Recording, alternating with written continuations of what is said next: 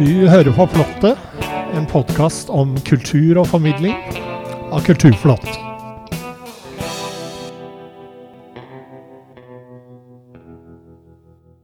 Denne julen har vi besøk av hele 29 artister. De gir oss innblikk i det de liker aller best musikk, formidling og kreativitet. I Flottet har vi også en full adventskalender denne gangen. Hver dag får vi en tekst om mytene ved julen, skrevet og fremført av forfatter, dramatiker og mytolog Terje Nordby. Så her er det mye å glede seg til, folkens. Mitt navn er Bård Andersson.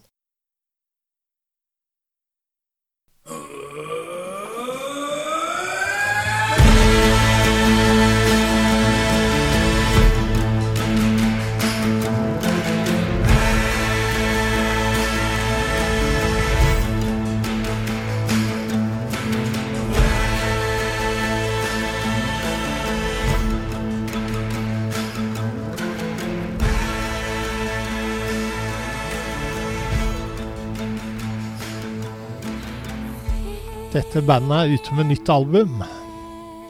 Etter et akustisk mellomspill så blir det nå skikkelig trøkk. I dag eh, har vi fått besøk av Gunhild Sundli fra bandet Gåte. Velkommen. Hei og takk. Eh, dere er ute med ny singel og video, dere. Gratulerer. Tusen takk. Svik. Eh, kan du fortelle litt om hvordan den singelen ble til? Ja, den er jo et resultat av et av flere hoder og kreative sjeler. Og den er vel for det meste komponert av Sveinung Sundli og Jon Even Skjærer, som er med i Gåte. Uh, og den gikk gjennom mange ulike former og ja. Um, hadde vel Vi har jo Altså, Gåte har jo for det meste basert musikk på gamle, tradisjonelle tekster. Uh, og den her hadde også det til å begynne med. Men så følte Sveining at det ikke landa helt der han ville. Og så eh, begynte plutselig kjæresten hans å skrive tekst på låta. Noe som vi ikke verken visste at hun kunne, eller uh, han visste at hun kunne, eller noe. Og så bare gikk det ja, Jeg tror hun, hun brukte vel noen dager på det. Og og det eh, ble rett og slett et veldig, veldig godt resultat, som eh, overraska oss alle og eh, ja, tok oss litt på senga. Så det her er egentlig kanskje Eller helt Altså, vi har jo hatt nyskrevet ting før. Knut Buen har vi jo samarbeidet en del med, eh, med på tekst. Men det er første gangen at det er noen andre enn han da, som har skrevet til oss, og at det var Nora, da, som egentlig står oss så nært òg, som plutselig viste seg å, å, ha det talentet. Så det var skikkelig artig. Mm. Det er gøy. Mm. Hvor viktig er tekst eh, for dere når det gjelder å formidle et budskap eller fortelle en historie i låtene dere? Det er viktig for oss alle, men det er jo jeg som synger tekstene. Um, og, så for meg så er det jo veldig viktig Um, og hvorfor og hvordan og Det er jo sånn som jeg til vanligvis ikke går inn til å tenke så mye over. Det bare er, og det bare eksisterer, og det bare kjennes. Um, men det som jeg alltid har funnet mye glede i å gjøre siden jeg var liten, er jo å formidle tekster fra ei anna tid. Eh, gamle tekster. Um, også nå har vi jo plutselig en ny tekst, men den har likevel um, noe med seg som drar meg inn i en annen tid. Um, og den går under en sånn Hva skal jeg si Jeg tror jeg har funnet ut at vi, vi jobber litt sånn under en paraply som heter folklore. Og der, eh, der alt egentlig handler om å bli inspirert av ei anna tid som vi ikke er i nå. Eh, og all den eh, Alle de forestillingene og alt det eh, gir oss av muligheter til fantasi, da. For å leve oss inn i noe. Eh, det syns jeg er veldig, veldig, veldig spennende. Hvilken rolle spiller musikken som del av å formidle et budskap eller fortelle en historie? Eh, den eh, spiller jo helt klart en stor rolle. Dette er jo en låt som er veldig dynamisk, med rolig og voldsomt trøkk til tider. Og ja. Det er jo kanskje blitt det som har kjennetegnet, liksom kjennetegner Gatemy i alt vi gjør. At vi har en enorm spennvidde og en dynamikk, og at vi um, At har et rom da, for å, å, gå inn i ganske store, voldsomme følelser. Og uttrykke det. Um, og kanskje er det lettere fordi vi eh, gjør det gjennom denne andre tida. Eller, ja. Um, fordi hvis det hadde vært uh, Hvis en hadde gjort og spilt på de store følelsene ut ifra mer ja, private tekster datert til noe, altså til den tida vi lever i nå, så um, så tror jeg det hadde blitt for påtrengende. Det hadde, det hadde ikke fungert. Hvordan jobber Gåte vanligvis kreativt når låter blir til? Mm, veldig forskjellig. Det er mm, alt fra å være sammen og jamme oss fram til ting. Det gjør vi kanskje ikke så mye lenger i dag. Det gjorde vi kanskje mer før. Nå er vi litt sånn mer på hver vår kant og, og øh, kaste ut ideer fra våre små eh, hjemmestudio. Eh, og så eh, tar vi det liksom med inn i, inn, inn videre i studio for å sette det sammen, eller i et øvingsrom, da. Hvilke planer har eh, bandet for resten av året og inn i det nye? Vi har jo nå eh, jobba eh, med det her mer akustisk prega prosjektet. Eh, som eh, ja, som var litt sånn hell i uhell, for vi skulle jo på turné og, rakk å ha én konsert, og så ble det det som skjedde med korona og alt det der. Men det som var hell i uhell da, var jo at ja, vi fikk ikke dratt på den turneen vi opprinnelig skulle, men, men vi hadde en, en pakke da, eh, som var lettere å reise rundt med under en pandemi, for å si det på den måten. Så vi fikk jo faktisk gjort en del konserter, og, og sånn sett også så ble det det prosjektet, det akustiske prosjektet ble mer langvarig enn vi egentlig hadde tenkt. Og um, det var litt fint, tror jeg. Um, og så vi på en måte fikk vokse ordentlig inn i det. Uh, og så ble det jo så vi gikk i studio og spilte inn noen av de låtene vi hadde med oss, og så ble, det, ble vi ganske fornøyd med det. Og så fikk vi lyst til å spille inn flere, og så til slutt så ble det jo bestemt at det skulle gjøres ei plate, da. Um, og så det er egentlig Og det er det vi på en måte Det er det vi Snart er jo den ut. Um, og der iblant Svik, da, som vi nå snakka om i starten. Um, men samtidig så blir vi nok også å avrunde det kapitlet litt. Vi skal nok fortsette å ha med oss den akustiske ja, si, erfaringa og det vi har gjort uh, med det. Um, men uh, videre og neste plate vil ikke um, være i den gata. Det vet vi ganske sikkert. Og det kommer Vi håper også vi vil kunne trekke oss eh, i en i en retning hvor man vil jo alltid kunne kjenne igjen gåtes DNA, kan du si, for det tror jeg vi alle vil komme oss unna.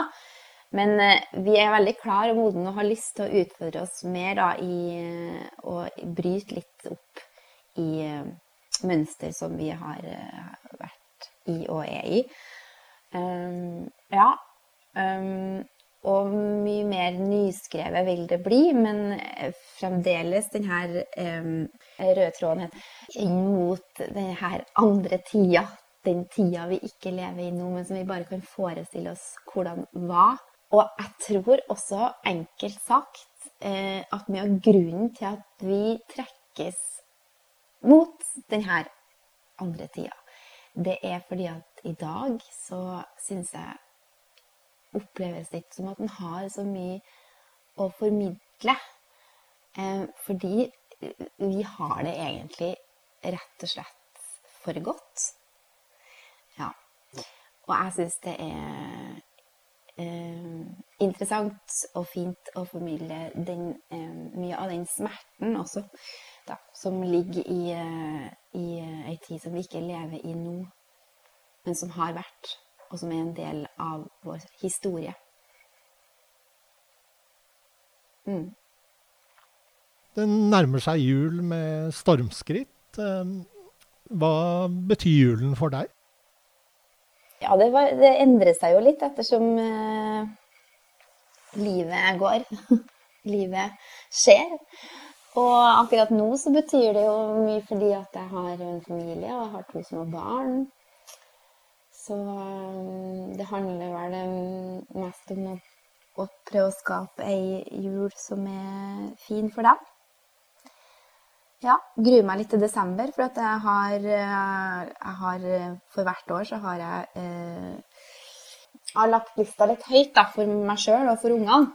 Eh, som jeg vet ikke om du vet hva rampenissen er, men Nei.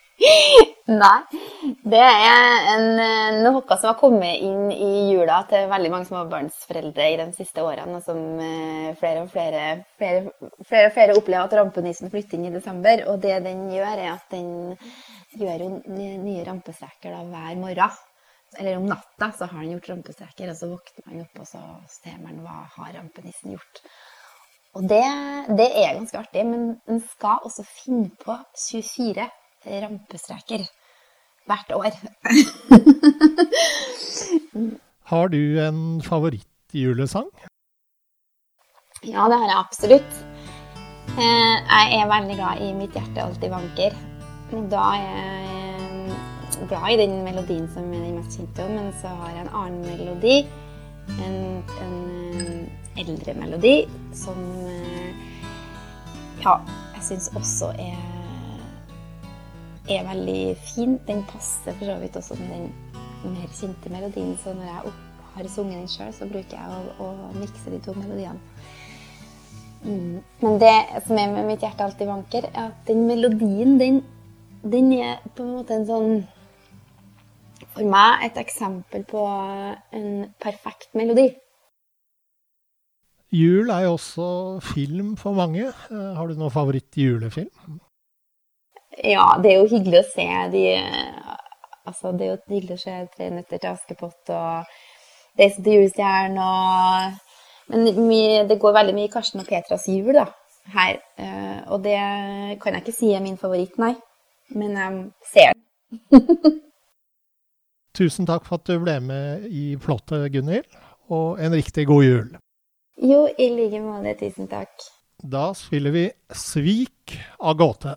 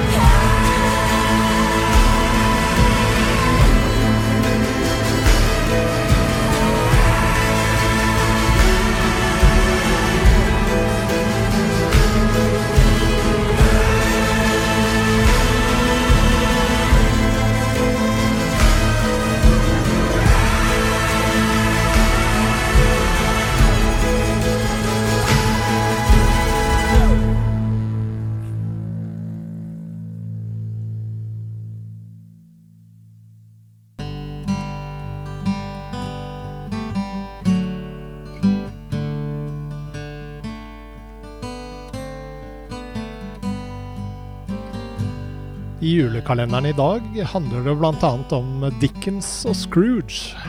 Terje Nordby forteller.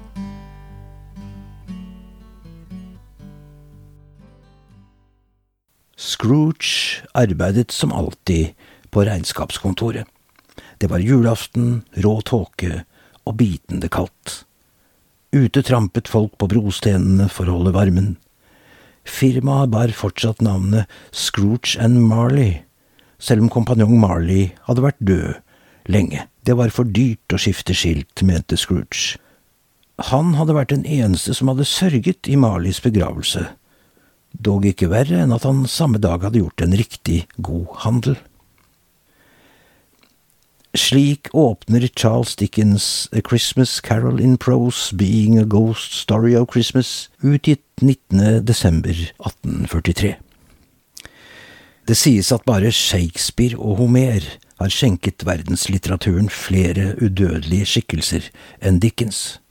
Julefortellingen Scrooge er en av dem. Transformert til onkel Skrue er han ikke bare blitt en kjent rik gammel and, men også en betegnelse. Ebenezer Scrooge skjeller ut nevøen Fred, som inviterer ham på julemiddag ved å hevde at han har ingen rett til å være glad, han som er så fattig, og at enhver idiot som sier god jul, burde bli kokt i sin egen julepudding og begravd med en kristtorn gjennom hjertet. Scrooge er en inntørket, styrtrik gnier som nekter å gi bort en øre, foretrekker å ha det kaldt på kontoret for å spare penger, er bisk overfor alle og hater julen. Denne natten får han besøk av tre gjenferd. Først gjenferdet av fortids jul, som fører ham til en skole, en klar, kald vinterdag, der han finner seg selv som et ensomt barn som ingen vil leke med. I et mursteinshus sitter den samme gutten og leser Forlatt av alle. Søsteren til lille Ebenezer forsøker å få broren sin hjem så de kan feire jul sammen, Faren deres er ikke fullt så ille som han pleier å være nå. Videre konfronteres Scrooge med den ene julaften i livet hans som var god, da han traff kjæresten, Bella, som imidlertid forlot ham fordi hans kjærlighet til penger overskygget alt. Nåtidsgjenferdet fører ham denne natten til dagens Fattig-London, fremtidsspøkelset lar ham høre folk tiske og hviske at de er lettet over at han er død. Tilbake i virkeligheten juledagsmorgen er Scrooge forvandlet, gir overdådige gaver til de fattige og begynner å se på sine medmennesker med sjenerøsitet og varme, ler av seg selv, smiler til barn og snakker respektfullt med tiggere, rundhåndet, vennlig og glad. I dag finnes det ingen gamle, rike gniere som hater julen. I dag er de ressurssterke tvert imot verdensmestere i julestemning. Heller ikke det trenger å ha noe med den ekte julen å gjøre. Men forandring er mulig, selv når det er som mørkest. Det er nettopp det Dickens viser oss at julen handler om. Les daglige kulturnyheter på kulturplott.no og få med deg dokumentarer, eksistensielt stoff og kultur i papirmagasinet Kulturplott. Plottet var ved programleder og teknisk ansvarlig Bård Andersson.